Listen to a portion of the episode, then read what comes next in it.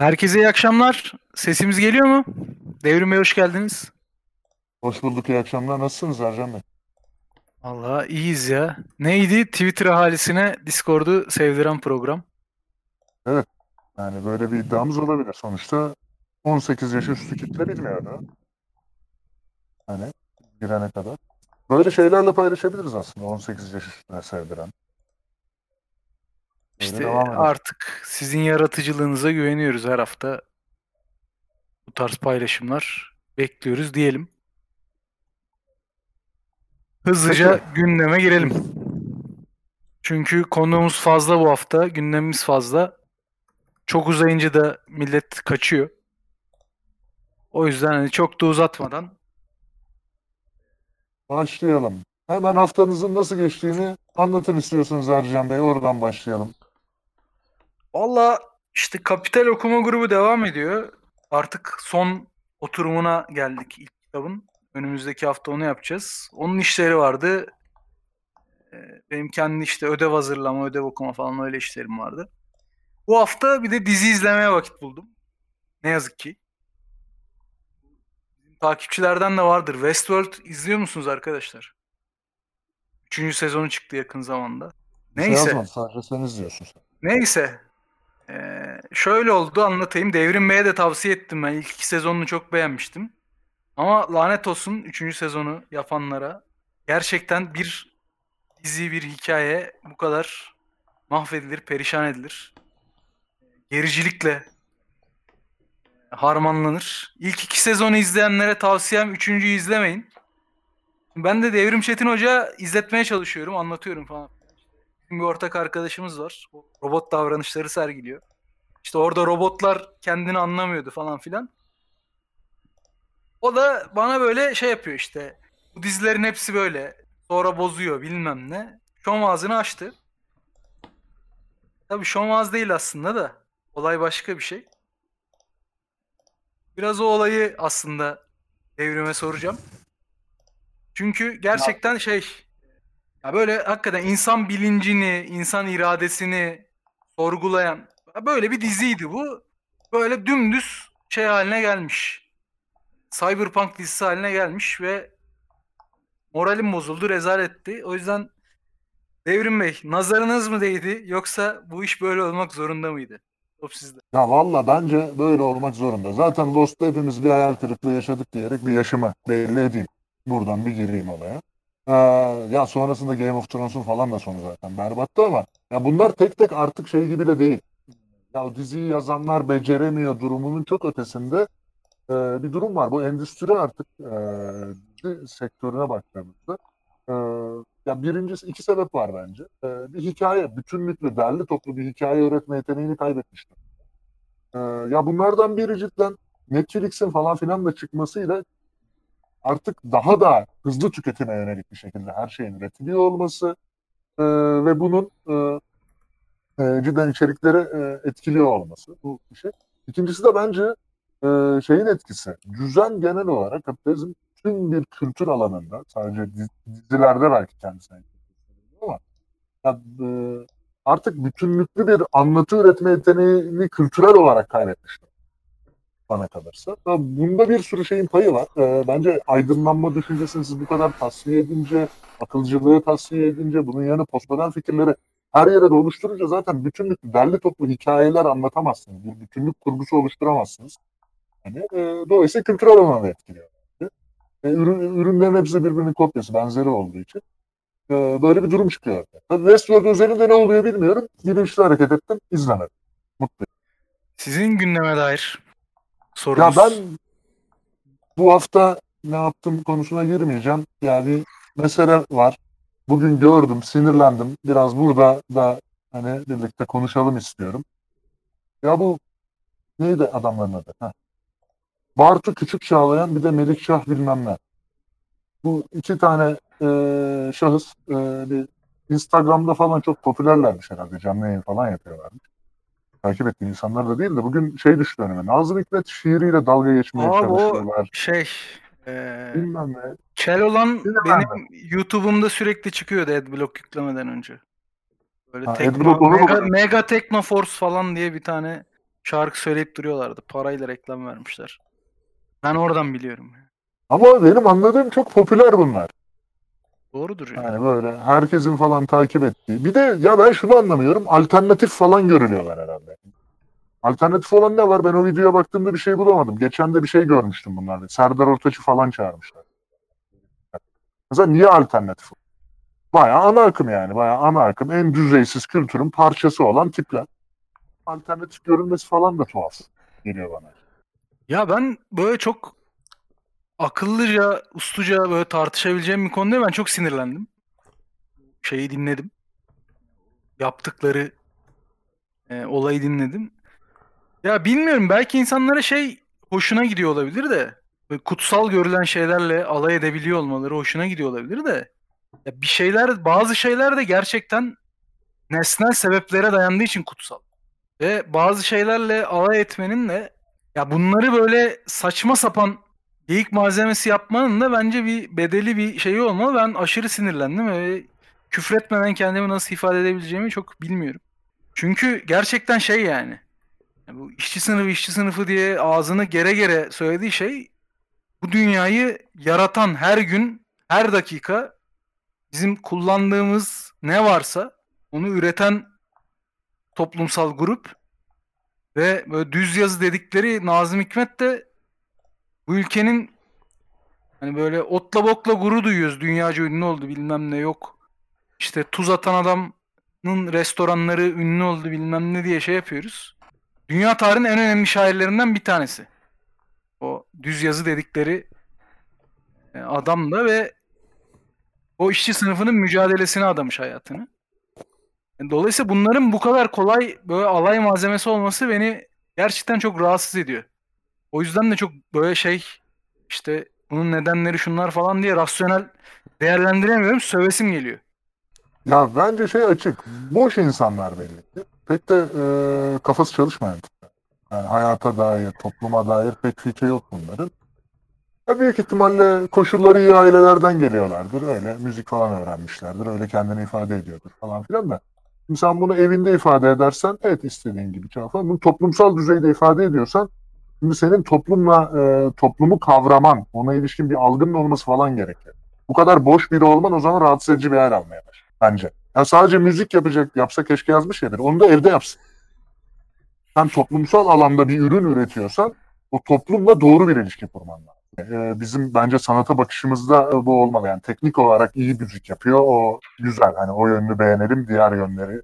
Ama kötü diyelim falan olamaz bizim sanat alanında bir şey. Üreten insanlar, aydınlar, güzel ürünler üreten.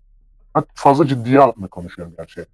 Tam elemanları bilmiyorum da. Ee, ya bunun dışında cidden e, şey meselesinde de işte kutsallık meselesi dedin ya herhangi bir kutsal yok benim için ben her şeyle alay. Ya şimdi şöyle bir şey var. Bizim bakışımız mesela evet biz de e, örneğin dinsel ideolojiye bakışımızda başka şeylerde e, çeşitli kutsalların insanlığın aklı üzerinde tahakküm kurmasını bile mücadele eden insanlarız. Ama şimdi insanlığın kendi ürettiği değer insan aklının ürettiği değerlere saldırmaya başlıyorsanız bunları da diğer kutsallarla aynı gruba alıp bu sizi gerici yapıyor. Doğrudan doğruya yani her değersizlik tamamen tamamen boşluk e, hali sizi gerici yapıyor. Ve bence e, kesinlikle mahkum edilmesi gereken e, bir yönelimi temsil ediyorlar. E, ve bence bunları herhangi bir şekilde e, herhangi bir şekilde şey yapmak, e, popülerleştirmek, şey görmek, alternatif falan filan görmek aslında bu boşluğun parçası olmak anlamına geliyor. Sen söylemiştin. Yani o kadar böyle omurgasız, karaktersiz bir topluluk ki hem sanırım Ahmet Kaya'nın şarkısını seslendiriyorlar hem Serdar Ortaç'la goy goy yapıyorlar. Çok ilginç bir şey bu. Mesela e, bu dönem gerçi bu tarz şeyleri siyaset alanında falan da çok görüyoruz ya. E, hatta bu Doblo resmiyle falan da çok paylaşılıyor. Arkasında hem Tuğra hem Orak Çekiç hem Çilal falan filan olan bir Doblo Hı hı. resmi var ya. Hani bu- bunun gibi insanlar türedi. e, böyle bir şey türedi ama e, bunun bir yüksek kültür yansıttığını özellikle sanat alanında böyle ideolojilere bağlı olmamanı bireyci bir düzlemde kendini ifade ediyor olmanın kültürel olarak daha yüksek bir pozisyon olduğunu düşünmek için herhangi bir sebep. Bu tamamen bir ara dönem e, belli ki ve e, gerçekten e, etkili e, ürünler ortaya çıkarırsa şeyler unutulur zaten. Tarihte çok akılda kalacak ürünler e, ortaya koyacaklarını zannetmiyorum. Neyse çok uzatmayalım. Bu adamlara Hayır ben şeyden sinir oluyorum. Olur ya dalga geçilir ya. Geçilir tamam yani biz de asalım demiyoruz da. Bunun karşılık bulması da birazcık şu topluma dair fikri olan insanı rahatsız etmesi. ya zaten yapılması gereken şey bunları e, kesinlikle takip etmemek. Tüketmemek bunu. Bunun tüketicisi olmamak. E, bence temelde yapılması gereken. şey. İkincisi e, şey gibi tezleri meşrulaştırmamak. Ya siyasi fikri ayrı, sanata ayrı, bilmem nesi ayrı, şusu ayrı, bilmem nesi ayrı, bilmem nesi ayrı. Yani bu tarz e, vasat fikirlerin de parçası olmamak doğrudan doğruya e, bir bütün olarak bu kişileri aslında e, nasıl anlatayım e, yok saymamız. Yoklarmış gibi. En mantıklısı. Peki abi. Çok yok sayamadık. Burada da gündem ettik. Burada mecburen. hayır, böyle içimizi dökmemiz geçtik gerekiyordu. İçimizi dökmemiz gerekiyordu biraz da.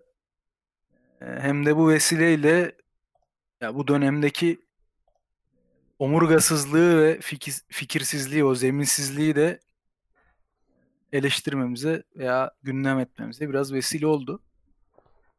Şimdi yavaş yavaş korun, konuklarımıza geçelim mi? Geçelim. Bayağı da oldu zaten başlayalım. Neyse. iki yapmamanız konusunda tavsiye verdik arkadaşlar. Böyle çapsızlarla bunları dinlemeyin. Vaktinizi harcamayın. Westworld'un da 3. sezonunu sakın ha izlemeyin. Peki. E, şimdi avukat Barankaya konuğumuz olacak. E, hem geçen hafta yine başka bir avukatla yani Gökberk'le şeyi konuşmuştuk. Ankara Barosu'yla Diyanet'in gerilimini ve e, Barolar Birliği'nin genel gidişatını konuşmuştuk. Hem o kaldığımız yerden devam edelim hem de güncel meselelerle ilgili e, Baran'a yeni sorular soralım. Baran hazır mısın? Buradayım, Seva hazırım. Hoş geldin. Sesim Geliyorsa güzelce. Çok iyi geliyor. Hoş geldin. Hoş bulduk. Selamlar herkese. Merhaba. Merhaba bizden de Evet. selamlar. Aslında giriş konusu sizin az önce konuştuğunuz bu iki kişinin yaptığı bir yayındaki söylediği sözlerin burada tartışılması aslında bizim konumuza da bir giriş mahiyetinde. Benim için de bir kolaylaştırıcı oldu. Şöyle bir e, yani tartışma esnasında insanların aklına şöyle şeyler gelebilir. Bunun cezalandırılması lazım. Bunun bir yaptırımının olması lazım. Aslında bugün de biraz da benzer bir şey konuşacağız. Çünkü mesela son bunlar bu meseleden önce iki tane ayrı stand-upçı e, yaptıkları stand-up gösterilerinden sonra şeyden e, halkı kim ve düşmanlığa tahrik suçlamasından galiba bir tanesi tutuklandı, bir tanesi ifadeye çağrıldı, ifadesinden sonra serbest bırakıldı. falan. Hani burada da şimdi e, tabii konuşmanın nihayetinde zaten varacağımız bir hedef de olacak ama sanki bana biraz meseleyi e, ceza sisteminin dışında tutmak gerekiyor. Evet mahkum etmek lazım ama fikirsel olarak mahkum etmek lazım bu davranışı. E, eleştirmek lazım. Olabildiğince, olabildiği mecrada. Fakat bunun ceza sisteminin dışında kalmasına gayret etmemiz lazım bir taraftan. Bunu talep etmememiz lazım diye düşünüyorum. Şu bugünkü aslında gündemimizde olan suçlar bağlamları düşününce. Neyse böyle de bir giriş yapmış olalım e, konuya ortasından. Ben konuşurken bu arada hani nasıl yapıyorsunuz? E, soru cevap sonra mı oluyor yoksa program sürerken mi oluyor bilmiyorum çok. Şöyle sorusu olan varsa bu yazılı kısımda yazıyor. Hı hı. Ee, Ben o sayfayı böyle- açtım şu anda. aha. Ara ara ben de oradan okuyup sorabiliyorum. Tamam. Bizim aklımıza gelen şeyler olursa biz sorabiliyoruz. Tamam, Ama ya onun konu- dışında sen şu an top sende. Ee, Nasıl istersen öyle yap diyorsun. aynen öyle. İyi, iyi. Yani şöyle olabilir. Konuşurken arada soruyu sor- sorabilirsiniz. Ben arada cevaplayarak da gidebilirim. Çok fazla anladım. Tamam o zaman ben şöyle girişi yapayım. Geçen hafta konuşulan konu aslında Diyanet'in açıklaması. Sonra karşılıklı olarak baroların e, açıklamaları. Ankara Barosu'nun açıklaması. E, sonra yanlış hatırlamıyorsam Van Barosu muydu? Van Barosu'nun açıklaması. Sonra e, Barolar Birliği'nden Birlik Başkanı'ndan bir açıklama geldi. Barolara soruşturma açıldı filan. Barolara açılan soruşturmada halka kim ve düşmanla tahrik suçlamasından açıldı. Şimdi o sürecin özetini ne çok girmek gerek yok. Zaten herkesin malumu. Ee, zaten geçen hafta da tartışılmış bir konu. Burada aslında objektifi şeyi ışığı üzerine tutmamız, spot ışığının üzerine tutmamız gereken şey bir taraftan halka kim ve düşmanlığa tahrik suçu. Bu suç son dönemin e, muhalefet suçlarından bir tanesi. Yani en önemli muhalefet suçlarından bir tanesi. En popüler suçlardan da bir tanesi. Bir sürü insanın soruşturma geçirdiği, mahkum olduğu, ceza aldığı suç e, tiplerinden biri. Diğerleri neler? İşte biliyorsunuz malumunuz Cumhurbaşkanlığı hakaret suçu var. E, propaganda suçu var bir de. Bir de 301 var benim aklıma gelenler şu anda. Eskiden 301 favori. Hala hala da favorilerden bir tanesi ama 301 ile ilgili şeyden e, Avrupa Birliği müktesebatı gereği bir de çok fazla yargılama oluyor. Ahime bununla ilgili çok başvuru oluyor diye. E, Adalet Bakanlığı iznine tabi kılındı. E, soruşturmalarda hala usulsüzlükler yaşanıyor bununla ilgili. Adalet Bakanlığı'ndan izin geldi miydi, gelmedi miydi? E, tartışmaları sürüyor. Yargılamalar duruyor. Adalet Bakanlığı'na soruluyor falan ama yine de 301'den su- ceza yargılaması yapılması kısmen de olsa zorlaştırılmış bir halde. Adalet Bakanlığı'na gidecek. Orada bir tane e, şey bunu inceleyip tamam bununla ilgili soruşturma yapabilirsiniz ya da yargılama yapabilirsiniz diye izin verecek. Buna tabi. 301 dediğimiz şey Türk milletini, devletini, hükümetini, organlarını filan aşağılama suçu. Halk hükümet düşmanlığa tahrik e, biri, diğeri terör örgütü propagandası. Bunların tamamı da diğeri Cumhurbaşkanı'na hakaret. Bunların tamamı sırf söylem suçudur. Bugün itibariyle benzer bir şeyde, benzer işleri görürler. Muhalefeti sırf söylem bakımından cezalandırma işlerini görürler. Ee, halkı kim ve düşmanlığa tahrik ise bunlardan bunlara göre en eski e, suç tipinden bir tanesi. Aynı zamanda halkı kim ve düşmanlığa tahrik bugün hani şeyde de söyleminde de çok e, yer aldı. Diyanet'in yaptığı açıklama bir tür nefret suçudur, nefret söylemidir. Hani Diyanet'i aklamak gibi de olmasın tabii ama bu söyleyeceğim nihayetinde bunu kenara bırakalım. Sadece sırf bu söylemin kendisini ele almak gayretindeyim. Nefret suçu ve nefret söylemi de halka kim ve düşmanlığa tahrik ile kardeştir. Nefret suçu da halka kim ve düşmanlığa tahrik etme suçuyla kardeş suçtur. Aynı kökten gelirler ikisi de.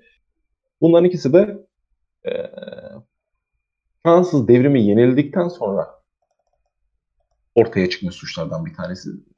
Çıkmış bir suçtur. Özü halka kim ve düşmanla tahrik değil. Halkı bir sınıfa karşı kim ve düşmanla tahrik suçu olarak çıkmıştır ortaya. Yani bir daha Direkt Fransız, işçi bir daha bir karşı devrim- yani. Tabii ki. Bir daha bir devrim olamasın diye. Yani bir, bir toplumsal hareketlilik var. Şeyi karşı devrimciler ele geçirmiş devrimi. E, yoksullar ve işçilerin bir dinamiği de var. Buna karşı önlem olarak geliştirmiş suçlardan bir tanesi. Diğer devletler de ondan sonra Alman ceza hukukuna e, giriyor. Çok uzunca bir süre e, Alman ceza hukukunda kalıyor. Sanıyorum 60'a kadardı. 1960'a kadar şeyde kalıyor. Alman ceza hukukunda kalıyor. Bize de geliyor sonra orada. Aynen aynı şekliyle e, alıp bir tür şey koruması yapıyoruz. Biz de eskiden tabii ki 141, 142 gibi versiyonlarıyla kullanılıyor e, bu suç tipi. Aslında bunun kendisi halkı bir sınıfa karşı yani burjuvaziye karşı da teknik olarak yani uygulanış biçimi kim ve düşmanla tahrikten oluşuyor. Nefret suçu da aynı şekilde. Halkı bir sınıfa karşı nefrete itmekten geliyor. Daha sonra tabii ki bu suç tipinin kendisi de e, bir sapmaya uğruyor. Tabii dö- dönemde değişiyor. Sovyetler Birliği yıkılıyor vesaire. Bir tür e, bugün de daha çok liberallerin kullandığı bir suç tipi olarak hala varlığını sürdürüyor. E, Nefret suçu dediğimiz şey sonuçta bizim hakkımızda hep şöyle oluyor. Ee, işte ya ırksal ya da cinsel ayrıma dayalı söylemlere karşı bir şey olarak. Tabii, Ha, şu anda öyle ama bu tarihsel olarak diyorsun ki antikomünist yasaların evrilmiş hali. Tabii bugün öyle görünmeyebilir ama bu nasıl ki geçmişten bugüne kadar bir e, evrimsel süreç geçirdiyse halkı kim ve düşmanlar tarih de öyle. Suçun TCK'daki tam açı- açılımına bakarsanız e, bugün zaten muhaliflere karşı kullanılıyor. E, fakat muhalifler de atıyorum mesela bu iki stand-upçı örneğinde olduğu gibi şey gibi e, kullanıyorlar işte Alevilere karşı e, düşmanlık ettiği için bu kişi şey yapılmalıdır. Ceza e, müeyyidesi uygulanmalıdır bu kişiye e, şeklinde bu bunu kullanıyor. Bu, bununla ilgili suç duyurularında bulunuyorlar. Erenlerden bulundu mesela o stand-upçılardan bir tanesiyle alakalı filan. Bunlar derece tehlikeli suçlar. Şöyle tehlikeli suçlar.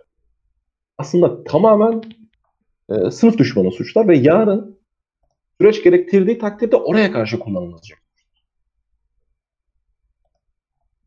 Bugün zaten şeyini görüyoruz, çok net nüvelerini görüyoruz. Mesela hani, bunun dışında bu suçtan yargılanan kişilere baktığımızda %90'ına yakını muhaliftir. %10'u, %10'u abartı da olabilir bu arada tabii. %10'u ise e, artık si- siyasi şartlar da el verdiği için e, Atatürk eleştirisi üzerinden de yargılama yapılan suçlardan bir tanesi. Atıyorum Fatih Tezcan'ın halka kim ve düşmanlığa tarihten dolayı bir sürü soruşturması var. Yani bir sürü de değil, 5-10 tane soruşturması var. Bir, bir, bir şey göremiyoruz tabii ki tutuklanmış değil, bir şey yapılmış değil ama o %10'un içerisinde böyle şeyler var. Bir tarafıyla o da bir ağza bir e, parmak bal çalmak gibi. Öte yandan bir de geçtiğimiz hafta olan somut bir örnek üzerinden tekrar gideceksek eee Canan Kaftancıoğlu'nun Halk TV'deki konuşması vardı. Halk TV'deki konuşmasında e, Canan Kaftancıoğlu bu iktidar değişmelidir, elbette değişecektir. E, bu da yakındır gibi bir laf etti. Bu laf üzerinden Halk ve Düşmanlar tarihten dolayı soruşturma başlatıldı. Halk TV'ye 5 program 5 kez kapatma cezası geldi vesaire geldi. Söylem şu. e, teknik olarak. İktidar değişecektir diyor. Teknik olarak. Yani hükümetin değişmesinden an- anayasada var olan mevcut olan bir şeyi söylüyor. Ama bu bir anda tabii burada e, o, o kadar kullanışlı ki bir gün sınıfa karşı kullanılır. Bir gün e, dini korumak adına kullanılabilir. Çoğunlukla da bir hükümeti korumak adına kullanılabilir. Ki burada şeyde e, Canan Kaftancıoğlu örneğinde olduğu gibi.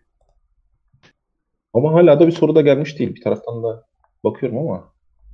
Anladım. Ya biraz belki şöyle toparlayabiliriz. Tabii. Sonuçta düşünce üzerinden bir suç tarifi yapılıyorsa, Hı hı. düşünce derken Tabii, düşüncenin ifadesi tabii Önemli. ki. Ha, Böyle bir suç tarifi yapılıyorsa bu genelde iktidarlara yarar. Özetle.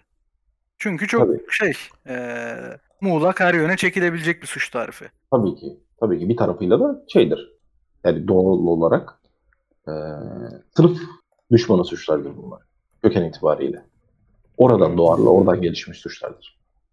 O yüzden mesela en başta, şunu- programın en başında, tekrar şimdi başa geri dönelim. Programın en başında bu iki şakayı yapan iki kişiye bir yaptırım talebinde bulunmak hatasına düştüğümüz anda aslında halka küme düşmanlar tarih suçundan yargılanmasını istemiş olduk.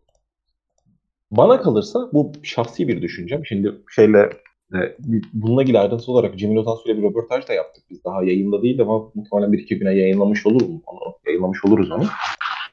E, orada daha ayrıntılı tarihçesini de anlatıyor. E, o doğrudan mesela bu suçun tamamen kaldırılmasından yana. Nasıl tavır alınması gerektiği konusunda yüzde yüz emin olduğum bir şeyim yok. Henüz geliştirdiğim bir şeyim yok. Cemil Hoca'ya yakınım ama kısmı. Ee, bence en azından ifade özgürlüğünü böylesi dönemlerde en azından e, tamamıyla savunmak gerekir. Yani sırf söylem fiilinden dolayı insanların tutuklanmaları ve e, hapis yatmalarını talep etmemek gerekir. Evrim Bey, Ya ben bir ek yapabilirim eee, buna. Eee, ya öncelikle bu başta konuştuğumuz iki kişi için zaten bir cezai bir şey uygulanması falan gerekse sadece bunları bizim meşrulaştırmamız, eee, bizim takip etmememiz gerekiyor bunu gösteren. Hani, e, ve düşünsel düzeyde e, bu tarz şeylere karşı durmak gerekiyor. Ya bu kin ve düşmanlığa tahrik meselesi ile ilgili Baran'ın söyledikleri aslında şunu da getirdi aklıma. E, ya sonuçta siyaset dediğimiz şey sonuçta siyaset yapıyor. E, toplumun farklı kesimlerinin farklı çıkarları var. E, ve bunların karşı karşıya gelmesinin sonucunda ortaya çıkan bir olgu. Dolayısıyla bir şekilde siz e, toplumu karşı karşıya getirmiş oluyorsunuz. Diyorsunuz ki şunların çıkarlarına göre bu toplumsal yapı örgütlenmeli, şu kesimin değil. Bunların uzlaşmaz karşı çıkarları var diyorsunuz örneğin. E, e, ve herhangi bir siyaseti neredeyse imkansızlaştıran, yani bu, bunun tanımına e, e, sokulabilecek hale getiren bir yapısı da var aslında esnetik. Evet. Canan Kaftancıoğlu'na işte iktidarı iktidar değişecek diye düşünüyorum gibi bir sözün de bu kapsama alınması aslında. E, bu anlamda e, yani tutarlı da görünüyor. Yani sonuçta siz evet. iki ayrı kesim tarif diyorsunuz, bir iktidar tarif diyorsunuz, o iktidarın karşısında bir kesim tarif diyorsunuz ve bunlar arasında bir mücadele tariflemiş oluyor. Tabii. Eğer siyasetten bahsediyorsanız zaten bu zorunlu olarak böyle. Yani tümden siyaset kurumunu tasfiye etmeniz lazım. Yani bu suçu tutarlı olarak. Hani bir de onun yanında şöyle bir sakıncası daha var. Onu da e, eklemeden geçmeyeyim. Şimdi e, bu çizgi çizilirken hani istediği gibi rahat at oynatabilecek suçlar olduğu için bunlar üzerinde oynanabilecek suçlar bir tarafıyla şöyle bir sakıncası da var öte yandan. Ceza hukukuna e, ceza hukukunu ahlaki bir norm haline getir. Yani birini kine sevk etmek değil de subjektif bir değerlendirme kökeni itibariyle. Hani bu kadar rahat bir şekilde e, her çeşit muhalif grubunu alıp yargılayabilme imkanı tanımasının sebebi de o bir tarafıyla. Çünkü tamamen şey e, subjektif bir suç. Subjektif bir değerlendirmeye muhtaç. Hakim subjektif değerlendirme e, ya, yapma. Şöyle bir kay şeye düşüyoruz bu sefer. Tuzağa düşüyoruz. Şimdi hukukta tartışılan iki tane temel şey vardır. Model vardır. Biz şeye bakarken bir hukukun hepimiz böyle bakmalıyız. Bir hukuku geçerli kılan şey nedir? Hukuku geçerli kılan şey kanunilik midir yoksa meşruiyet midir? Ee, bizim hukukumuz kanun hukukudur teknik olarak. Ceza hukuk, bütün hukuk, ya Türk hukuku Türkiye'de uygulanan kanun hukukudur. Kanunilikten alır meşruiyetini. Ee, meclis seçer insanlar Meclis yasa yapar. Şeyini de, gücünü de oradan alır. Ee, fakat AKP iktidarının bir özelliği var. Meşruiyeti kanunun önünde gören bir şey. Nasıl mesela? Ee, %51 ile seçilen bir cumhurbaşkanı yasa da yapabilir, her şey yapabilir. Ee, A'dan Z'ye kadar bütün devletin, bütün kurumlarını, her şeyini tamamen tasarlayabilir bir gücü elde ediyor. Bunu nereden alıyor? %50 artı birden. Bir meşruluğa bırakıyor yani gücünü. Bu sefer şeyi de şöyle görüyoruz. Ceza yargılaması da e, bundan bağımsız olmadığı için tabii olarak böyle işlemeye başlıyor. Ne oluyor? Bir hakim ya da Twitter'da linç edilen bir insan hakkında suç duyurusu varsa e, Twitter'da çok gündem olduysa atıyorum örnek olarak artık bunu tutuklanması gerekir gibi bir algı ortaya çıkmaya başlıyor. Kanunda hani halka hüküm ve düşmanlığa tarih suçu özelinden konuşursak yine atıyorum çok cezası çok yüksek olmayan bir suç. Dolayısıyla cezası yüksek de değil. Delil karartma da olmaz çoğunda bunlar. Çünkü sosyal medyadan yapılmış açıklamalar ya da bir basın açıklamasıdır ya da bir e, beyan dile getirmedir. Dolayısıyla delil karartmak da mümkün değildir. Dolayısıyla bu kişinin tutuklanmasına da gerek yoktur. Kanun bunu emrediyor çünkü. Kanun diyor ki bu kişi tutuklama diyor tutuklanacak kişi bu değil diyor. Fakat rejim artık kanuniliği bir kenara bıraktığı için, anayasayı bir kenara bıraktığı için dönüp e, gücünü meşruluktan alıyor. Ne kadar insan tepki göstermişse tamam ben bunu tutuklayabilecek kadar e, şeyim var, meşruluğum var diye bakıp tutukluyor. Bu çok ciddi de bir sakınca doğuruyor tabii ki. Bir hukuk hukuk dünyası açısından. Türkiye'nin AKP döneminde hatta şey döneminde, Özal döneminde de Ee, anayasa bir kere çiğnenmekle bir şey olmaz. Lafı filan. E, hep bu sağda hep benzer eğilim e, söz konusuydu. AKP'deki en kritik tartışmaların tamamı da bu noktada oluyordu. 367 krizini hatırlarsanız hatırlayanlar vardır ya da medyadan ya da şey olanlar. 367 krizinde anayasada belirlenmiş atıyorum bir kanuni sınır var bir yasa yapmak için. Bunun bir gücü var. Gücün nereden oluyor? Egemenden oluyor. Egemen neresi? İşte atıyorum şey halk, halkın seçtiği parlamento. Gücünü buradan alıyor bu anayasa. Fakat o zamanki tartışmalarda hep şunlar söylendi. Biz seçilmiş bir hükümetiz, çoğunluğu aldık, mecliste de çoğunluğumuz var fakat biz yasayı değiştiremiyoruz. Bizim gücümüz var, bizim meşruluğumuz var. 367'ye gerek yok. 367 işte bu milletin boynunda bir zincirdir bilmem nedir filan gibi tartışmalar vardı. Bu da kökeninde aynı yere tekabül ediyor. Dolayısıyla bu tip suçlarda, bu tip suçların hani e, ceza hukukunda barınmasının tehlikesi. Bence şey olarak da e, sosyalistlerin de e, biraz böyle de kafa yorması lazım. Hukuk dünyasını felç eden bir şey. Tutarlı bir hukuk normunun da ortaya çıkmamasına yol açan. Bu da az önce söylediklerime ek olarak bence şey yapılmaması gereken, hani söylemem gerektiğini düşündüğüm noktalardan bir tanesi. Sağ olasın abi. Soru var mı arkadaşlar? Geldi. Ee, okuyorum.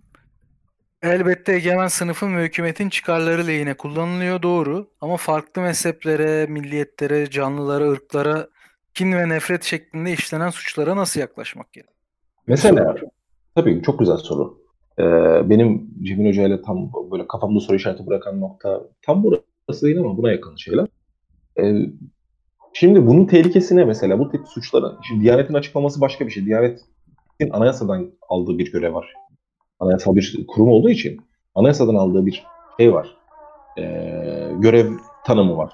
O görev tanımına aykırı olduğu için orada çok başka bir durum söz konusu. Fakat bunu bireyler nezdinde nasıl yapacağız? Bu bahsettiğiniz şey canlılara, ırklara, kim ve nefret şeklinde yani bir söylem nezdinde işlenen suçlara nasıl yaklaşmak gerekli? Bu suç, bu, bunu eğer bir suç olarak hukuk dünyası bakımından cezalandırılması gereken bir davranış olarak e, tanımlayacaksak farklı müey müeyyideler de tanımlanabilir. İlla ki hapis yapması gerekmeyebilir bu insanın. E, suç olarak tanımlayacaksak bizim korumayı hedeflediğimiz şey kamu barışı, kamu düzeni. Kamu barışı ve kamu düzeni ne korumak istiyorsak öncelikle bunun var. Kesildi sanki sesin. Ben mi duyamıyorum? Şu an geliyor mu? Kamu barışı kamu düzeninde kaldı abi. Aha, kamu barışı ve kamu düzeninin korunması gerekiyorsa öncelikle bu kamu barışı ve kamu düzeninin gerçekçi, sahici olarak var olması gerekir. Bu da bir tartışma. Biz gerçekten bir kamu barışının var olduğuna ve bunun korunması gerektiğine mi inanıyoruz? Toplumsal barış var mıdır? Yani sınıf çatışmasını bir kenara bıraktığımızda vesaire. Öte yandan e, bir de tartışması gereken hani şey e, cezalandırılabilir, hapis yatırılmayabilir, farklı bir müeyyide uygulanabilir. Bu da yaklaşımlardan bir tanesi. Bir üçüncü yaklaşım da şu. Bir söylem bence bir söylem somut bir tehlike yaratmadığı sürece yani e, bir tür e, fiziksel zarar sonucunu somut olarak tehlike olarak değil somut olarak ortaya çıkarmadığı sürece bence cezalandırılmasına gerek yoktur. Çünkü sırf söylemden ibaret. Atıyorum. E, şöyle bir şey de var. Hiçbir karşılığı olmayan e, bir şey düşünün. E, fikir düşünün. Şiddet içeren bir fikir. Ama hiçbir karşılığı yoktu. Atıyorum. Bu karşılığı olmayan söylemin cezalandırılması şimdi bir kere bunu kanunileştirdiğiniz zaman üzerinde yorum çok e, yapamayacağımız bir nokta. Bir kere bunu kanunleştirdiğiniz zaman atıyorum bir kişi sadece tek kişinin savunduğu bir görüşü hiçbir gerçekliği yok. Şiddet çağrısı da yapıyor olabilir. Şiddet çağrısı yapıyor. Diyor ki uzaylılara yok etmemiz gerekir. Absürt bir örnek vereyim. Uzaylıları yok etmemiz gerekir. Bunun somut bir karşılığı var mı? Yok. Ama canlılara, ırklara kim ve nefret içeriyor. Bunun da cezalandırılması gerekir. Ya bak, Ya işte belki çıkar. şöyle bir eee, şey koysak daha e, şu anki durumumuzu açıklayıcı olabilir. Sonuçta e, bazen şöyle hataya düşüyoruz ya. Mükemmeli tarif etmeye çalışıyoruz. Hı hı. E, ve böyle değil abi biz muhalefetteyiz. Sonuçta bu ülkeyi de kendi cebini düşünen tarikat mensupları yönetiyor. Mafyalar yönetiyor. Hı hı. E, dolayısıyla yasalarda, hukukta yoruma açık ne kadar çok şey olursa bunların lehine bizim Hı. aleyhimize kullanılacak o kadar çok şey var demektir. Yoruma açık ne kadar az şey olursa Tabii. bizim Çok avantajımıza. Biraz da çok mücadele önemli. bakımından bakmak gerekiyor. Yani Hı hı. ideali evet kimse kimseye şey yapmasın. E, nedir onun adı? E, kin, nefret tohumu ekmesin. Hı hı. bizim yaratacağımız toplumda buna daha çok özen gösterelim. Bu ama ceza yasasıyla mı yaparız, başka teşviklerle mi yaparız? Başka türlü e, senin bahsettiğin başka türlü yani hapis cezasıyla değil de başka başka cezalandırma yöntemleriyle mi? E, kamu Evet. hizmeti zorunlu kamu hizmetiyle mi yapılır mesela- bilmiyorum. O, o tarz bir alternatif ceza yöntemi. Gulak. Mesela e, evet şey de var. Esra Aydın Angarya ile mi yaparız bilmiyorum. Sevda Noyan'ın söylemlerini nasıl niteleyebiliriz? Ha, onu da ben Mesela- okuyayım mı istiyorsan ben oraya geçecektim Tamam. aslında. Tamam Ee, okursan. Yani şey şu, hani sonuçta biz muhalefetteyiz bunu bilelim. Ee, dolayısıyla bize karşı kullanacaklar açık varsa. Ee, Esra'nın sorusu şu. Ee, dün Esra Elenü'nün programına katılan Sevda Noyan'ın söylemlerini nasıl niteleyebiliriz? Yayında ölümle tehdit etmenin tarih suçunun yanı sıra silahları olduğuna dair de bir bilgi vermiş oldu. Hı hı. Şimdi Bu da son Ya. soru olsun arkadaşlar. Ee, yavaştan iktisat konusuna geçelim ya da varsa e, Baran bunu yanıtlamadan yazmış olun. Baran'ın yanıtı bittikten sonra tekrar soru gelirse onu almayacağız. Buyur Baran. Ya burada da şöyle e, bir durum. Burada birden fazla suç var. Yani somut ita, şey, yapabil, şey yapabileceğiz, tanımlayabileceğimiz suçlar var. Ruhsatsız silah bulundurmak e, ya da silah bulundurmanın sınırı e, aşağıdaki soruya da alın da neyse. Sen devam et abi de ben Şey, buradaki e, silahları bulundurmanın zaten bir suç oluşturduğu ortada. Buradan işlem yapabilirsiniz. Tehditten işlem yapabilirsiniz. Çünkü orada şunu söylüyor açıkça. Komşularından bahsediyor. Bizim sitede diyor. Var bazıları onları ilk hedefimiz diyor konuşmanın içeriğinde. Dolayısıyla e, hedef de belirten bir tehdit içeriyor.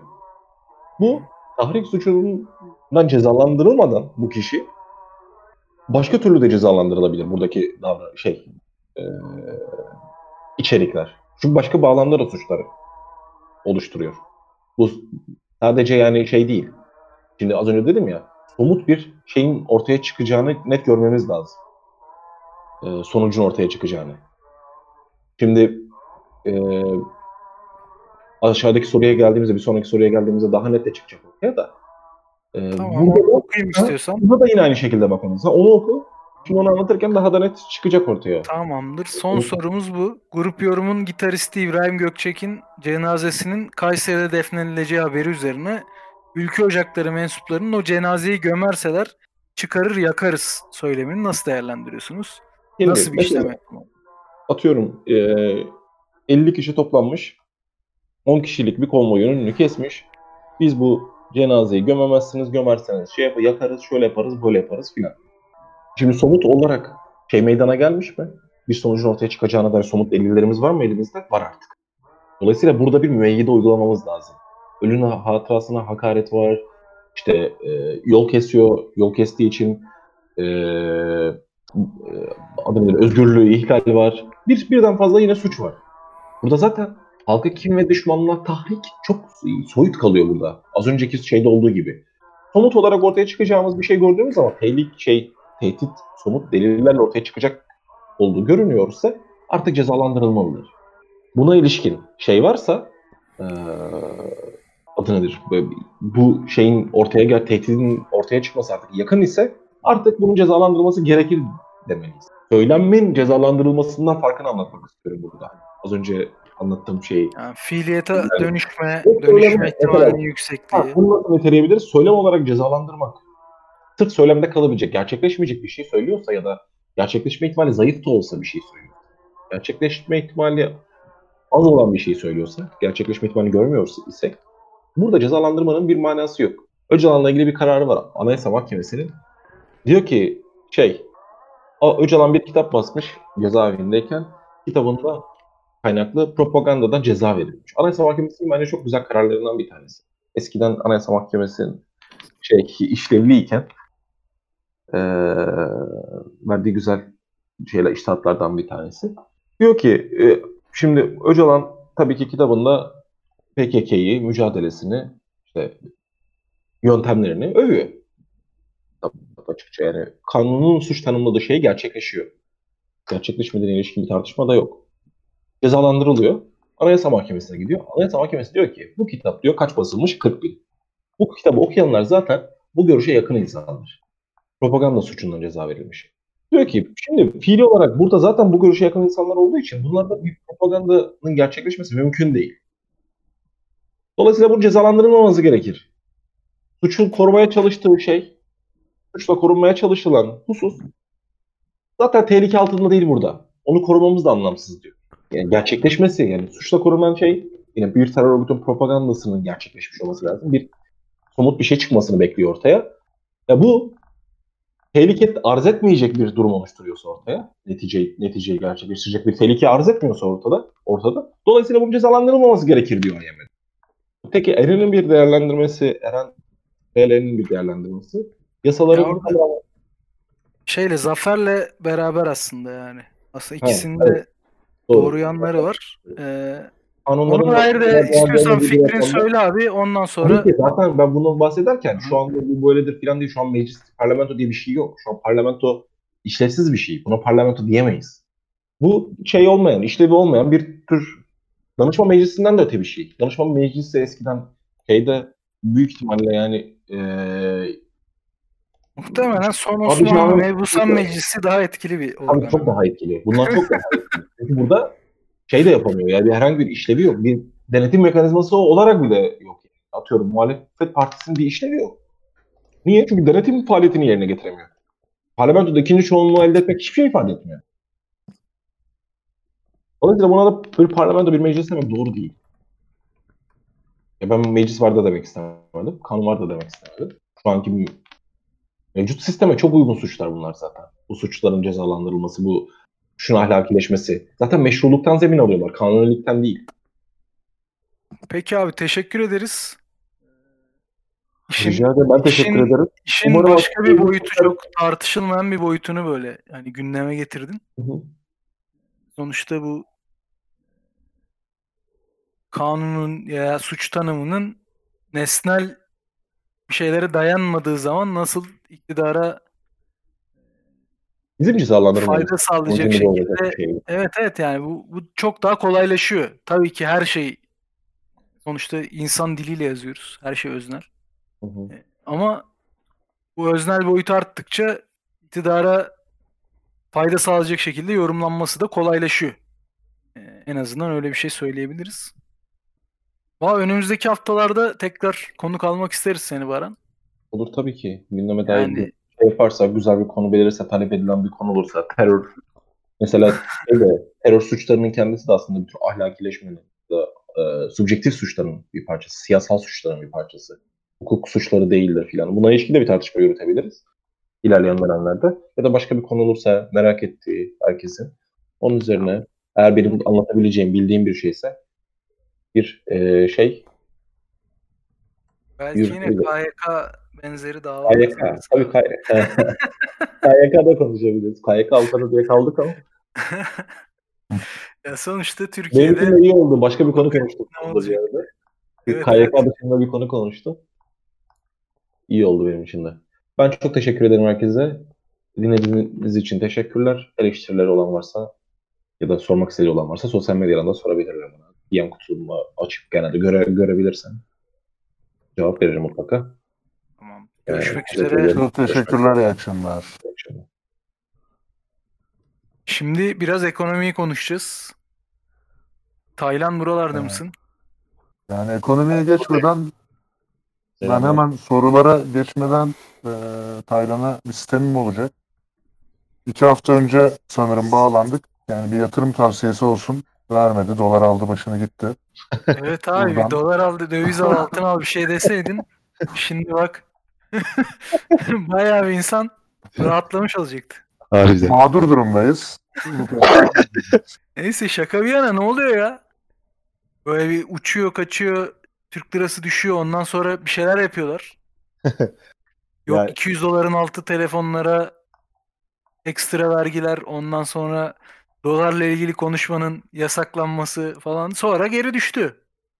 Neler oldu abi? Niye böyle?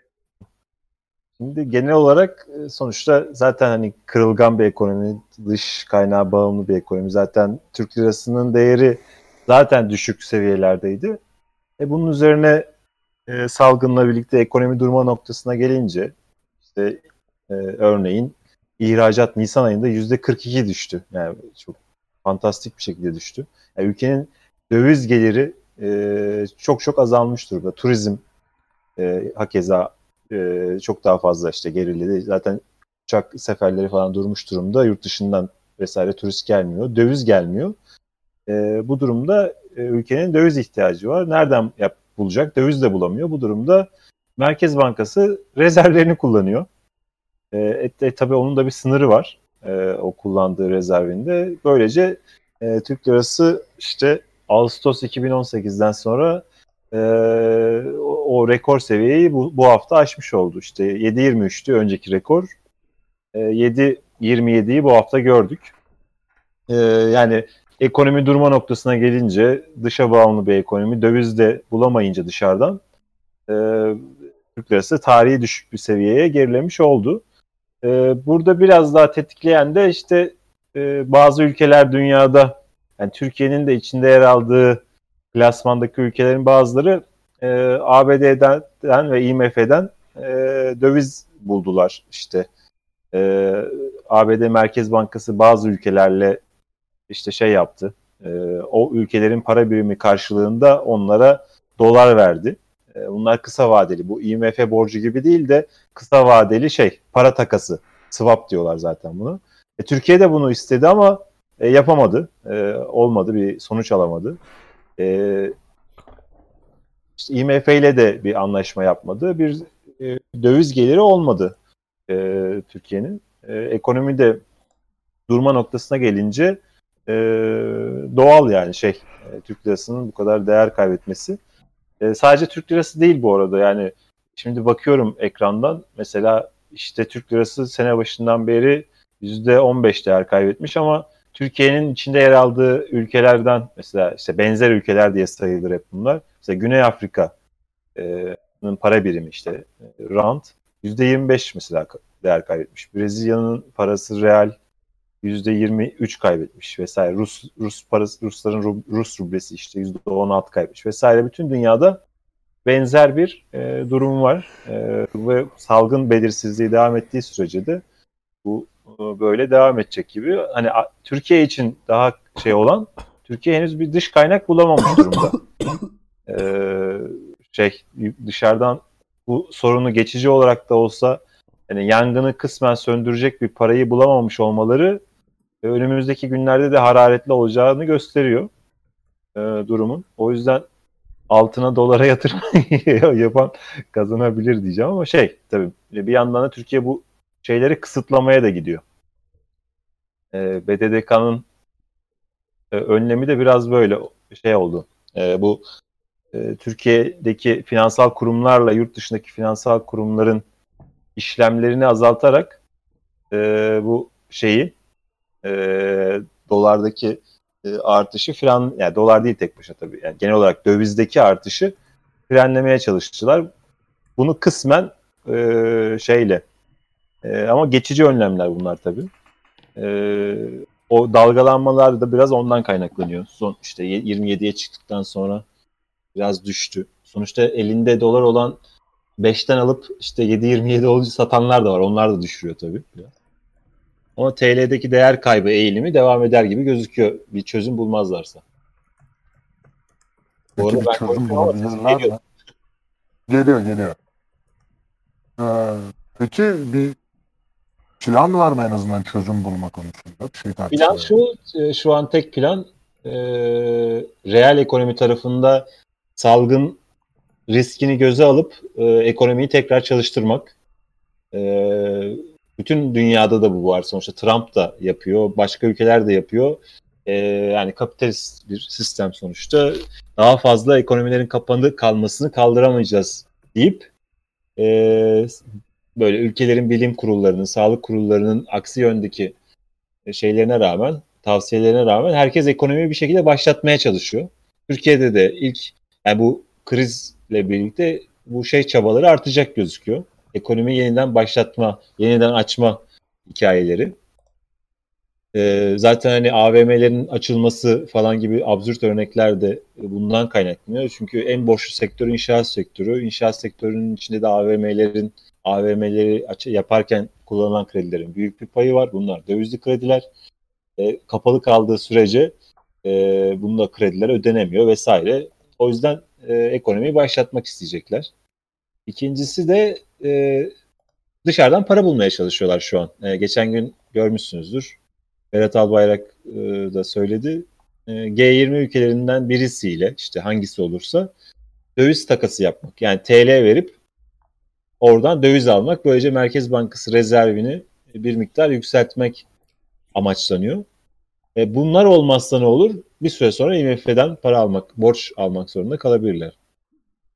Çünkü sürdürülebilir bir durum değil. Bu kadar değer kaybı, ekonomi bu durumdayken e, yani şeyler de atıyorum TÜSİAD falan gibi sermaye örgütleri de daha sesli bir şekilde IMF'ye gidin o zaman e, demeye başlıyor.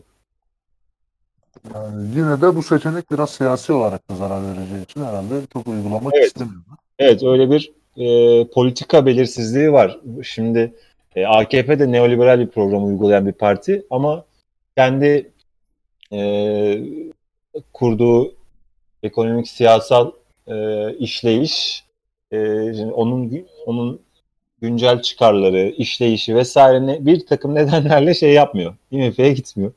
İlginç bir şekilde. E, ha IMF'ye gidenler de çok e, matah durumda değil. Arjantin geçen sene e, IMF, yani iki sene önce IMF'ye gitti. 50-55 milyar dolar aldı. E, dün itibariyle Arjantin tekrar iflas etti. Borçlarını ödeyemediği için. E, iflas etti. Yani o da bir çözüm değil. Ama e, şey bütün bu Türkiye, Arjantin, Brezilya, Meksika, Güney Afrika falan bir sürü ülke için böyle bir zaten zor bir dön- dönem vardı. Zaten ciddi sorunlar vardı. Bu salgınla birlikte iş epey sürdürülemez duruma geldi gibi gözüküyor. Bir sorumuz var. Hı. Hem bir de benim de bir sorum var. Ya bir tanesi şöyle hayaller kuruluyor mudur abi? Soracağım. Bu benim sorum. Hı hı. Sonuçta hani erken bitiyor gibi gözüküyor Türkiye'de. Yani normalleşme vesaire. Bunu erken bitirip diğer taraf, diğer ülkelerde üretim zayıflarken biz burada acaba daha az etkilenen ve kendini toparlayan bir şeye dönüşebilir miyiz gibi bir e, hedef beklenti olabilir mi? Bu benim sorum. Bir tane de şey şöyle bir soru var. IMF'den şu an borç alınsa IMF bu borcu vermek için nasıl şartlar öne sürer diye Zafer Türküsü'nün bir sorusu var. İlk soru e, kesinlikle akıllarında. Zaten e, takip edebiliyorsanız e, bir sürü sermaye örgütü temsilcisi şey yapıyor, yazılar yazıyor bu aralar. Hani salgın döneminde ekonomi ne yapmamız lazım, nasıl dünyada öne çıkabiliriz diye. Hani hızlıca ekonomiyi başlatalım, diğerlerinden öne çıkalım falan gibi e, cinlikler peşinde. Yani şey de öyle, e, mevcut ekonomi yönetimi de o fikirde. E, bu bunun kısa dönemli belki faydaları şeyleri olur. E, faydaları demeyelim de kazanımları olabilir belki. Atıyorum İtalya kapalıyken sen çalışırsan işte sen zorla çalıştırırsan ekonomiyi e, iki ay daha fazla ürün satarsın falan döviz getirirsin vesaire ama bunun uzun vadede çok bir faydası olmaz. Hatta risk alır, alırsın sonra o riskle birlikte salgın daha da fazla artarsa bu senin salgın nedeniyle ekonominin daha uzun süre kapalı kalmasına e, neden olabilir yani sonuçta. Bir de e, daha ge- geniş çerçeveden bakılırsa da şey diyorlar işte dünya şey yapacak e, Çin'den uzaklaşacak özellikle Batı ekonomileri. iyice Çin'den mal almayacak. E, biz Çin'in yerini alalım. Yani işte Real Madrid işte Real Madrid sorun yaşıyormuş işte ne bileyim Mersin İdman Yurdu onun yerine geçsin falan olacak işler değil sonuçta. Yani çok büyük ölçek farkı var. Ee, işte Çin inanılmaz bir Çin'in şeyi değil mesela 20 yıl önce belki öyleydi. Hani ucuz iş gücüne dayalı bir e, ekonomiydi ama şu an Çin dünyada teknolojinin işte en hızlı geliştiği, evet teknolojiyi de sanayiye en iyi adapte edebilen falan bir ülke. O yüzden onunla e, büyük yani rekabete girmek falan mümkün değil. Zaten Çin şu an dünyanın en avantajlı ülkesi çal, salgını çünkü bir şekilde kontrol altına aldı. Yani bitirmese de kontrol altına aldı. O yüzden e, o küçük cinliklerle ben bir şey bir şey yapabileceklerini hiç sanmıyorum. Ha, bu IMF hikayesinde de şöyle. Şimdi e, IMF'nin birkaç farklı e, şeyi var. E, borç kanalı var. E, burada e, standby dedikleri daha uzun vadeli e, ve daha geniş miktardaki kredilerde IMF'nin çok ağır şartları var. Yani kendi programını uygulatmak, denetlemek vesaire vesaire. AKP onu yapmak istemiyor şu an. E, daha şimdi ise bu korona nedeniyle daha kısa vadeli ve daha az miktarda e, borçlar veriyor ülkelere. E, 100 milyon, 200 milyon, 300 milyon, 500 milyon vesaire e, borçlar veriyor ülkelere. Ama Türkiye'nin bu kapsamda e, kısa vadeli 10 milyar dolara kadar buradan borç alabileceği e, söyleniyor. Hani hesaplamalarda işte birçok ekonomistin şeyi var. Bu yani e, kesin olmamakla beraber bu rakam 10 milyar dolara kadar çıkabilir deniyor. E, işin şey tarafı böyle, e, ekonomik tarafı. E, ama bir de siyasi tarafı var. E, yani IMF'de en büyük güç e, şey ABD. Yani şey olarak teknik olarak ABD'de. Yani oy oy gücü yani Türkiye de IMF'nin üyesi ve oy gücü var Türkiye'nin de. Atıyorum Çin de IMF'nin üyesi e, vesaire. İran da IMF'nin üyesi yani. E, ama burada e, şey e, oy gücü en yüksek ülke ABD ve ABD'de fark ettiyseniz bu aralar S-400 e, Patriot e, tartışmaları tekrar alevlenmiş durumda. E, IMF'den borç almanın bir de siyasi olarak şey yanı var. ABD ile pazarlıklarla ilgili kısmı var doğal olarak. E, iki gün önce Wall Street Journal'da şey çıktı. E, ABD patriotları işte e, ABD Türkiye'ye patriot vermeyi tekrar değerlendiriyor diye. Özellikle işte Körfez ülkelerindeki bazı patriotların oraya Türkiye'ye kaydırılabileceğini e, yazdılar. E, bir yandan da biliyorsunuz işte S-400'leri Türkiye aktive etmiyor. Hani ABD ile bu pazarlığı yaptığı için e, aktive etmiyor henüz. Ucunu açık bırakıyor. O yüzden işin bir de siyasi boyutu var gibi gözüküyor e, AKP açısından. Ha, ne olur belki Çin gibi bir kaynağı değerlendirmeye çalışabilir AKP e, döviz bulmak için. Çünkü şu an e, Merkez Bankası rezervinin 1 milyar doları bu şekilde Çin'den sağlanmış swap'la olmuştu. İşte Katar'dan da 5 milyar dolar sağlamışlardı. Bu tür şeyleri deneyebilir ama hani bunların da çok büyük çözümler olacağını sanmıyorum. Çünkü IMF gibi ya da ABD merkezli finansal sistem gibi bir şey kurmuş durumda değil Çin. Ee, öyle bir dünyaya mali olarak bir sistem kurmuş durumda değil. O yüzden işte dediğim gibi 1 milyar dolarla falan çözülecek bir sorun değil şu an Türkiye'nin yaşadığı şey. Ee, ben bir şeye de değinmek istiyordum. Ee, sorularda başka bir şey yoksa. Ee, Soru var aslında da. Nedir o? Ha, doğuya mı? Kürede değer yaratma eğilimi doğuya mı kayıyor diye bir soru var. Zaten epey oldu ka- kayalı. Ee, yani sonuçta e, zaten tam da oraya gelecektim ben. E, bu e, dünyanın en büyük yatırım fonu var ABD'de. Bridgewater diye ve onun da bir şey var. Patronu ve aynı zamanda işte yönetim kurulu başkanı. E, Ray Dalio diye bir adam var. Bu finans piyasalarının en ünlü adamlarından biri. E, bu geçen e, bir Japon ajansına röp- röportaj verdi. Yani salgın döneminde ve salgın sonrasında dünya ekonomisi ve siyasi olarak da dünya düzeni ne olacak diye. Bence epey çarpıcı e, laflar var. E, yani şu an içinde yaşadığımız ABD merkezli e, finansal finansal e, finans kapitalinin de ağırlıklı olduğu bir düzenin en e, başat temsilcilerinden biri bu adam. O yüzden söyledikleri bence şey e, bakmakta fayda var. Diyor ki bir diyor bu şeyden sonra salgından sonra şey hızlanacak. Yani dünya düzeninin liderliğinin ABD'den Çin'e geçiş süreci hızlanacak diyor. İkincisi diyor şey e, şu an 1930-1945 dönemine benzer bir dönem yaşıyoruz ve e, kapitalizmle sosyalizm arasındaki kavga tekrar şey ortaya çıkacak diyor. E, yani bunun mod, yani komünizmin ve faşizmin modern örneklerini göreceğiz bence önümüzdeki dönemde diyor. Üçüncüsü şey e, tek tek ülkelerde gelir dağılımı ve güç mücadelesi hem tek tek ülkelerin içinde hem de ülkeler arasında servet ve güç mücadelesi e, artacak diyor hani diğer maddelerle de e, bağlantılı olarak. E, bence hani dünyanın e, hani o soruda da değer doğuya mı kayıyor hikayesinde de böyle bir eğilim hani uzun süredir zaten var.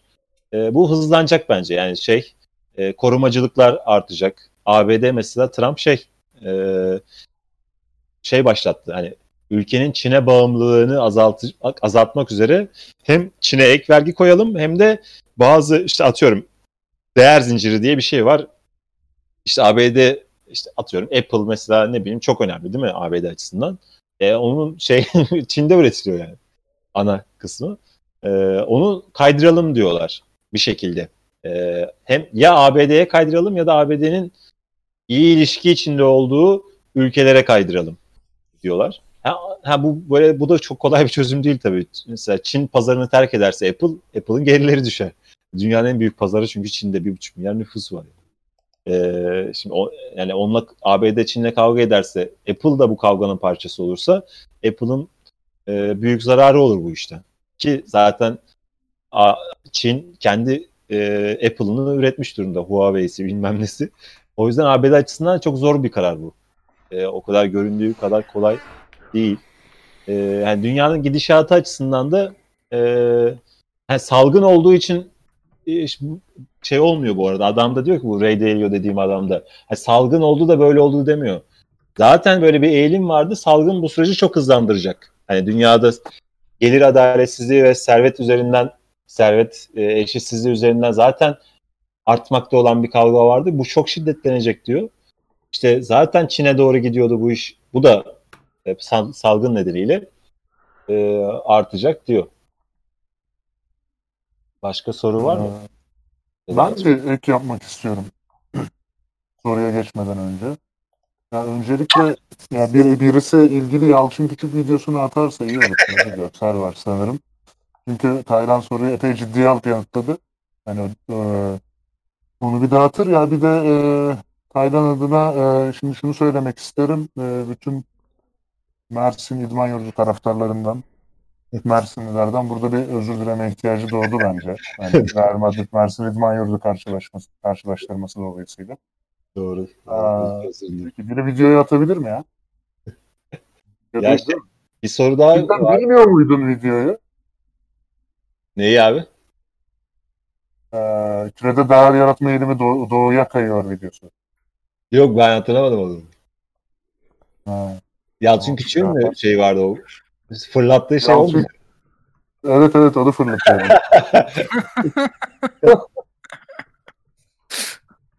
Yaran kenar bir de bir- yarısı sanırım. Ne olmuş? Duyamadım. Baya sorular geliyor da şu anda.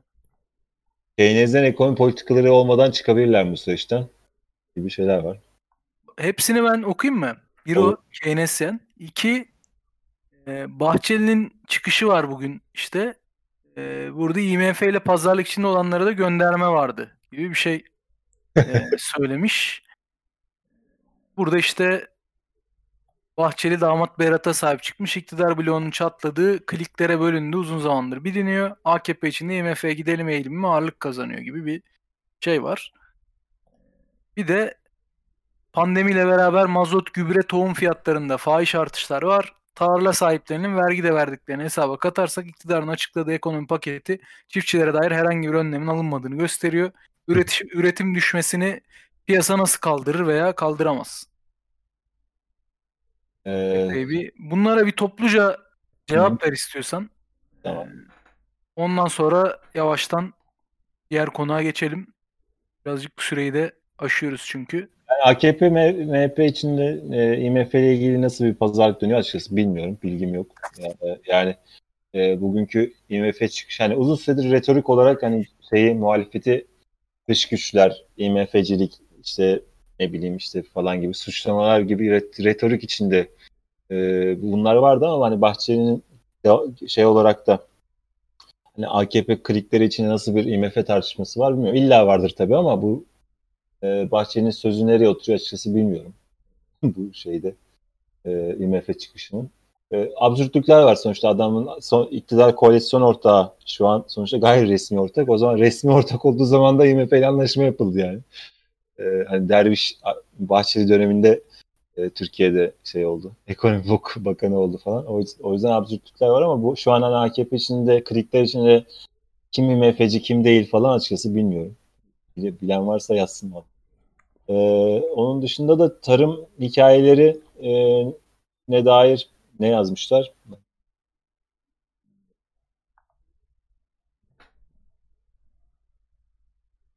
Yani evet uzun süredir hani Türkiye'de şeyde e, tarımda hem şeyden kaynaklı ekilebilir alan azalmasından kaynaklı sorun vardı hem de işte girdi e, maliyetlerinin işte çoğu döviz endeksli ve döviz de artınca bunların artmasından kaynaklı ciddi sorunlar vardı. E, Şeyle salgınla birlikte bunun artması zaten doğal olarak bekleniyor. E, bunlar dışında da işte atıyorum e, şeyler var. Yani doğal olarak salgınla ilgili önlemler nedeniyle e, ürünlerin hasadında bazı ürünlerin hasadında sorun yaşanıyor. İşte ne bileyim mevsimlik tarım işçileri gidemiyor ya da atıyorum çayda mesela bir sorun var. Çay çünkü Gürcü, Gürcü işçiler geliyordu çay toplamaya uzun bir süredir Türkiye'ye. E, çayı Doğu Karadeniz'de Gürcü işçiler topluyordu. E, onlar gelemiyor. E, şeyler e, ülk, şey ülke içinde şehirler ula- şehirler arası ulaşımda e, sorunlar var. E, o da şeyde hem ekimde hem hasatta sorunlar yaratıyor bildiğim kadarıyla. E, yani zaten bu ayın enflasyonda yine görmüşsünüzdür patates, soğan yine epey e, şeydi sarımsakla birlikte ilk üçtü. E, onun dışında e, sorularda yani kamuculuk tekrar olur mu? Yani kamuculuk e, yapmaz e, yani şu anki yani sınıfsal güç dengeleri, neoliberalizm vesaire içinde e, sermaye iktidarları işte birden kamucu program falan uygulamazlar yani. Ama her ülkede kamucu talepler artacak o gözüküyor. Tartışmalar artacak. E, bir işte Keynesyen ekonomi politikası uygularlar mı? E, yani şu an kendi neoliberal neoliberal e, programlarını şey yapan, e, çelen şeyler yapıyorlar krizle birlikte. Devletin e, müdahaleleri anlamında yapıyorlar ama bir program olarak Keynesci bir program uygularlar mı?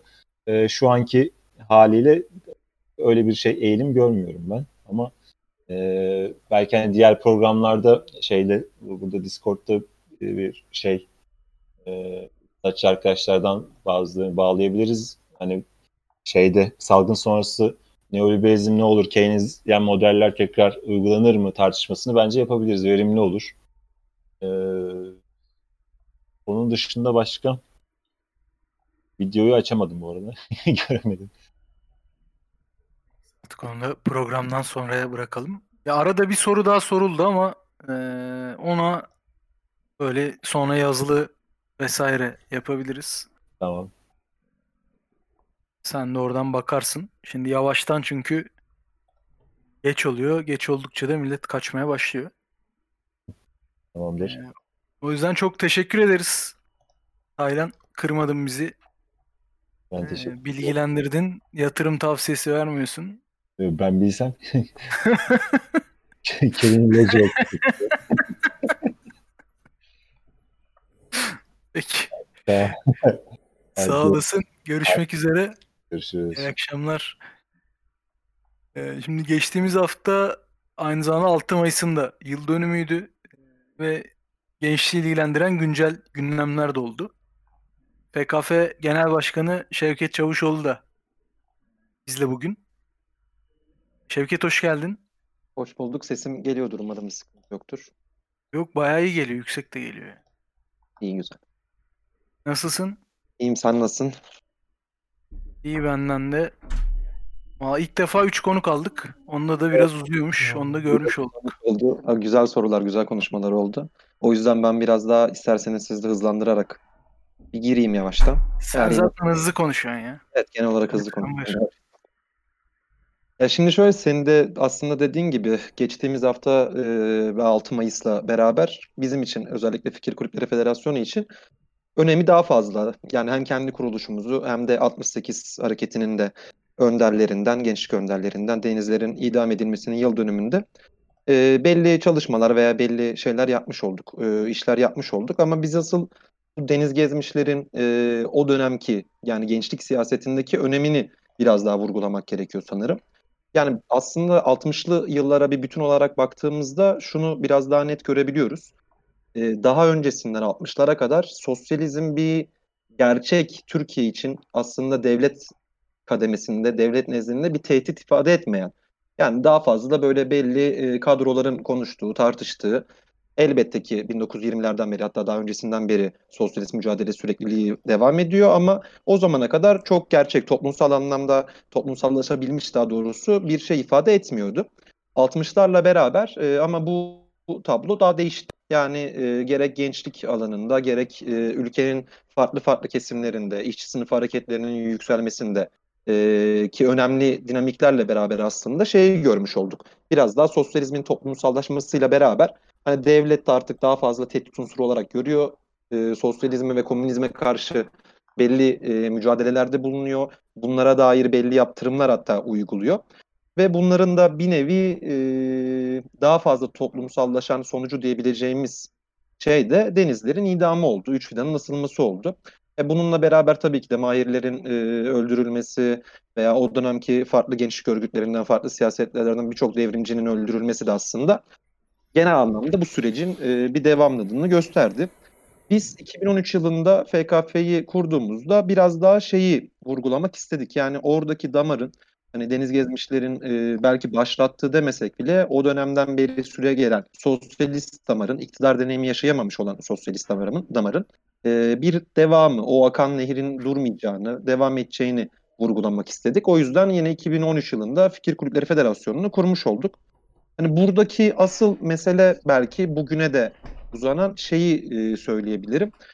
Yani sadece üniversite siyasetini düşünmeyen, sadece üniversitelerde, kampüslerde bir mücadele vermekten ziyade aslında bu ülkenin geneline dair, memleketin genel sorunlarına dair bazı e, fikirleri olan, bazı tartışmaları olan gençlerin bir iktidar perspektifiyle buraya dair söz söylemesi ve buraya dair müdahale etmesi bizim için oldukça önemliydi.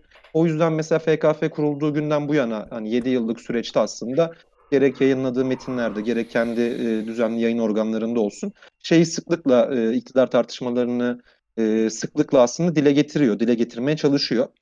Ha, günümüze biraz daha geldiğimizde de bir e, daha önceki yayınlarda da Devrim bahsetmişti zaten. E, Erçin de bahsetmişti 1 Mayıs yayınında. Bir yeniden kuruluş e, sürecinden bahsediyoruz aslında. Bu yeniden kuruluşla ilgili çok uzun biz de FKF'de konuştuğumuz için hani çok detaylı bir şekilde girmeyeceğim oraya.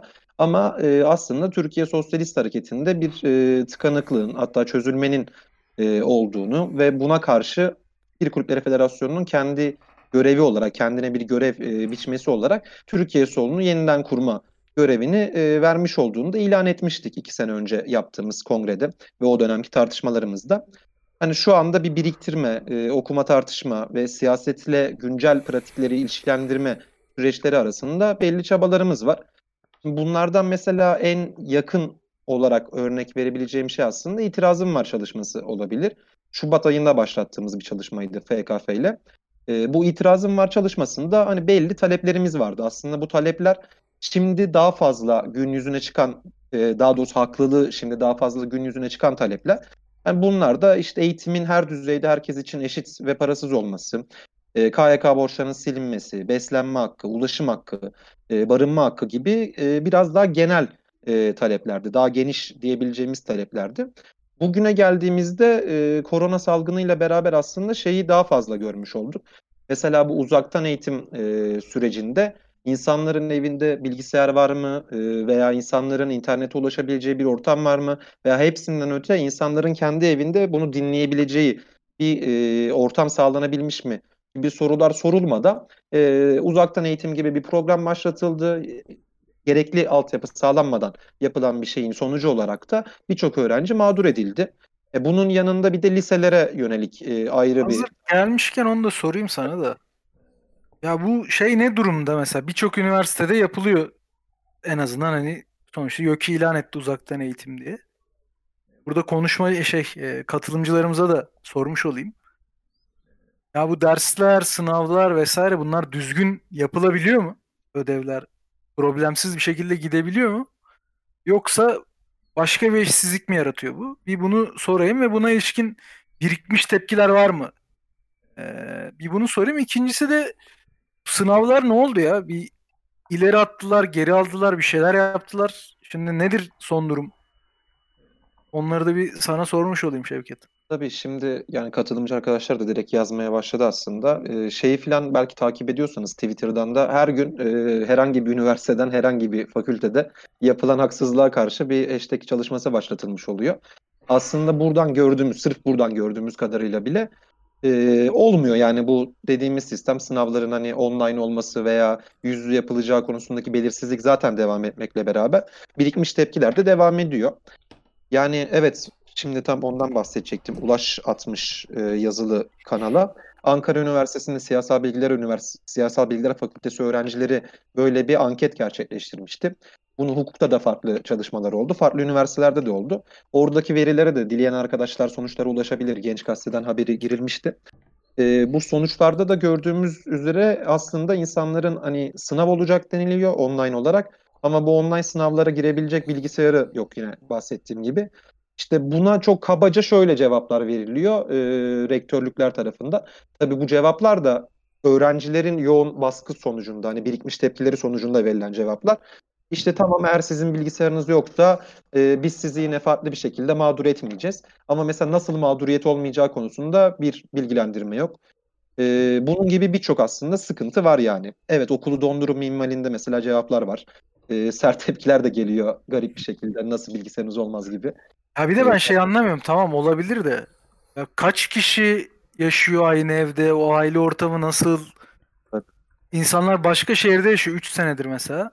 Ben 3. sınıftayken lisansta benim aile evimde bir odam yoktu yani. Tamam mı? Çünkü gitmiyorum yani. Senede bir hafta gideceğim diye oda tut oda ayırmıyorlar elbette bana ve norm böyle bir şey yaşasaydım muhtemelen çalışacağım bir ortam vesaire olmazdı. Başka şeyler de var. İnsanların ailesinden hastalık kapmış olan olabilir, işsiz kalmış olan olabilir. Bir sürü sorun yaşanabilir ve bu böyle eşitmiş gibi davranılıyor herkesin durumu. Tabii zaten onun aslında yaşattığı en büyük problemlerden biri o. O dediğin gibi mesela hani her şey tam bile olsa aileden birinde yaşanacak sağlık sorunu yine o öğrencinin sınavlara girerkenki mağduriyetini engellemeyecek. Hani bunu çözümüne yönelik e, net bir şey yok. Yani 15 e, Haziran'da işte akademik takvimlere geri dönülecek diye bir açıklama yapıldı. Ama bu açıklama da biraz boş bir açıklama. Daha sonra YÖK'ün e, bir gün sonra yaptığı açıklama da aslında e, yine bir anlamsız yani hiçbir anlam ifade etmeyen bir açıklama oldu. E, bazı üniversiteler şey diyor. Geleceksiniz yüz yüze sınavları yapacağız. Bazı üniversitelerin akademik takvimi zaten o zamana kadar bitmiş olacak. E, kimi üniversite online sınav üzerinden devam ettirecek. Kimi üniversite ödevler üzerinden devam ettiriyor. Hani bu şekilde olan bir tabloda e, hangisi daha iyidir sorusunda herhalde hepimizin vereceği yanıt şey olması gerekir. Yani en eşit şekilde düzenlenecek bir durumda hazırlanması ve buna telafi edilecek şekilde devam edilmesi.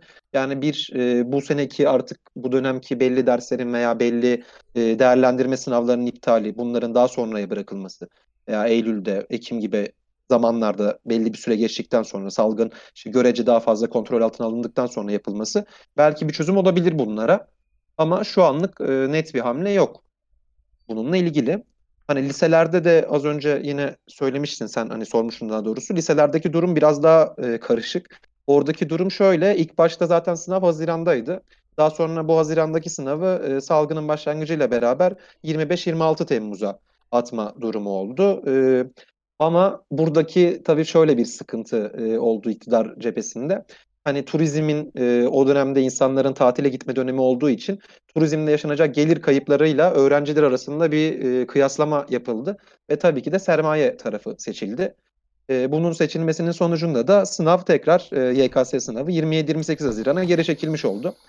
Öğrenciler buna çok büyük bir tepki verdi. Yani açıkçası benim e, son zaman sosyal medya üzerinden en yoğun tepkilerden biriydi. E, toplamda yanlış hatırlamıyorsam, yani 1 milyonu geçtiğine kesin eminim de yanlış hatırlamıyorsam 1,5 milyona yakın e, bir tweet atıldı YKS tarihime dokunma üzerinden. E, ve bunun sonucu olarak aslında bir kazanım diyemeyeceğimiz iktidardan bir sus payı verilmiş oldu. E, bu sus payı ne? E, 135 dakikalık sınava 30 dakika daha eklendi. E, sınavın taban puanı biraz aşağı düşürüldü. Hani bunun özel bir anlam ifade ediyor mu etmiyor mu? Eğer sorusunu soracak olursak bence etmeyecek, etmiyor. Çünkü zaten eşit olarak bir şey oldu. Ee, evet Tayyip'e bile gece kaldırıp tweet attırılmış olundu. Belki kazanım olarak bahsedebileceğimiz yer burası olabilir. Ee, ama dediğim gibi yani bu sınavdaki yaşanacak adaletsizliği hiçbir şekilde değiştirmiyor. Ee, üstüne mesela liselere e, giriş sınavı, geçiş sınavında da şimdi bu 4 artı 4'ün bu sene 8. senesi ve o yüzden e, %50 daha artış var sınava girecek öğrenci sayısında. Yani geçen senelerde 1 milyondan aşağı olan öğrenci sayısı bu sene 1.8 milyona çıkmış. Bir de bunun yanında e, YKS'ye girecek öğrencileri topladığımızda yaklaşık bir 5 milyona yakın. Bir de bunların ailelerini üstüne eklediğimizde de 7 milyon belki 8 milyon civarında insan 20 Haziran'la 27 Haziran arasındaki o bir hafta içinde aslında evinden dışarı adım atmış olacak. Şimdi buna dair hiçbir e, şu anda önlem yok. Hiçbir şekilde nasıl halledileceğine dair bir fikir yok. İşte belli e, Milli Eğitim Bakanı yok filan belli açıklamalar yapıyor. Yok işte bahçeye kimseyi almayacağız vesaire gibi. Ama zaten bunlar uygulanan önlemlerdi şimdiye kadar. Yani zaten sınav saatinde bahçeye kimse giremiyordu. Ama bunu biraz şey diye göstermişler. Ee, hani sanki yeniden yapıyoruz evet şimdi daha fazla önlem alıyoruz gibi göstermişler. Bunu dediğim gibi bir anlam ifade etmiyor. Bir de bunun yanında son olarak öğrenciler bu sınava maskeyle girmek zorunda. Dağıtılan maskelerin, daha doğrusu maske dağıtımındaki yaşanan zaten zorlukları ve e, şeyi programsızlığı hepimiz gördük, hatırlıyoruzdur. E, bir de bunun yanında öğrenciler iki saat boyunca o sınavda nasıl maskeyle duracaklar? Bu da ayrı bir e, konu. Demiş olayım. Sıcak hem nefes alması zor. Aynen öyle. Evet, Yani sandıkta neydi bu. Bakanlar Kurulu oluşturulduğunda işin ehline teslim edildi. Ee, Özel üniversite sahibini ha şey özel okul sahibini Milli Eğitim Bakanı yaptılar. Otel zinciri sahibini e, bakan yaptılar. E, haliyle Hastane sahibini de Sağlık Bakanı yapınca tabii. a- aynen öyle tabii ki ona göre planlanacak. Durum biraz böyle yani genel olarak. Bizim de hani bundan sonraki süreçte aslında biraz daha şeyi vurgulamamız gerektiği e, açığa çıktı. Daha doğrusu bu tartışmanın daha büyüyeceği, daha gerçek olacağı ortaya çıktı. Bu itirazım var sürecinde yaptığımız talepleri biz genel olarak hani tam uzaktan eğitimde bir adaletsizlik var, şimdi liselere yönelik bir adaletsizlik var. Ama genel anlamda eğitimde zaten bir adaletsizlik var. E, o yüzden hani Fikir Kulüpleri Federasyonu olarak da mesela bundan sonraki süreçte artık tekrar okulların örgün eğitimin başladığı süreçte e, bu gerçek talepleri örgütlemeye devam etmemiz gerekiyor diye düşünüyorum. Yanınızdayız abi. Kolay gelsin. Teşekkür ederiz. Biz teşekkür ederiz yayına katıldığın için. Ee, Şevket'e soru var mı arkadaşlar? En çok etkileşimi sen aldın. Herkes katkı koydu. Bütün dinleyicilerin ana ağırlığı öğrenci olduğu için herhalde. E tabii normal. Herkes dertli. Aynen. O zaman ben de teşekkür ederim herkese. Çok teşekkürler, iyi akşamlar. İyi akşamlar. İyi akşamlar. Ee, Devrim senin ekleyeceğin var mı? Ya, açıkçası şimdi öğrencilik günleri de geride kaldığı için eee, çok hakim olduğum bir konu değil. Eee, ondan dolayı o kısmına yok. Belki eee, 68 tartışmasına dair eee, eklemeler yapılabilirdi ama o da biraz şey olabilir. Programın sınırlarını aşabilir. Uzun konuştuğum bir konu genelde. Eee, dolayısıyla ben eklemeyeyim. Peki o zaman. Programı kapatırken bugün 9 Mayıs arkadaşlar. Sovyetler Birliği'nin Nazi faşizmini yendiği gün. Reichstag'a dikilen bir bayrak atalım istiyorsanız çete. Onu da anmış olalım.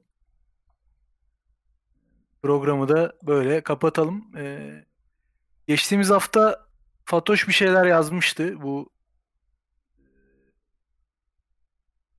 avukatlık lisansını alırken yaşadığı zorluklarla ilgili. Şeyi planlıyoruz. İktidarın bu tarz müdahaleleri var. Önümüzdeki haftalarda bunlara dair bir etki, bunlara dair bir yayın yapabiliriz. Bunları toparlayacağımız farklı farklı alanlardaki durumlara ilişkin. Ama onun dışında eee, haftaya yeniden buluşacağız. Gündemi değerlendireceğiz. Yine pek olmadı ama hafta içi bir gündemle ilgili konuşulmasını istiyorsanız bu hem bizim de aklımızı açar. Faydalı olur. Buraya yazarsanız yazılı kısma seviniriz arkadaşlar. Çok teşekkür ediyoruz katıldığınız için sonuna kadar. Zafer gününüz kutlu. İyi akşamlar.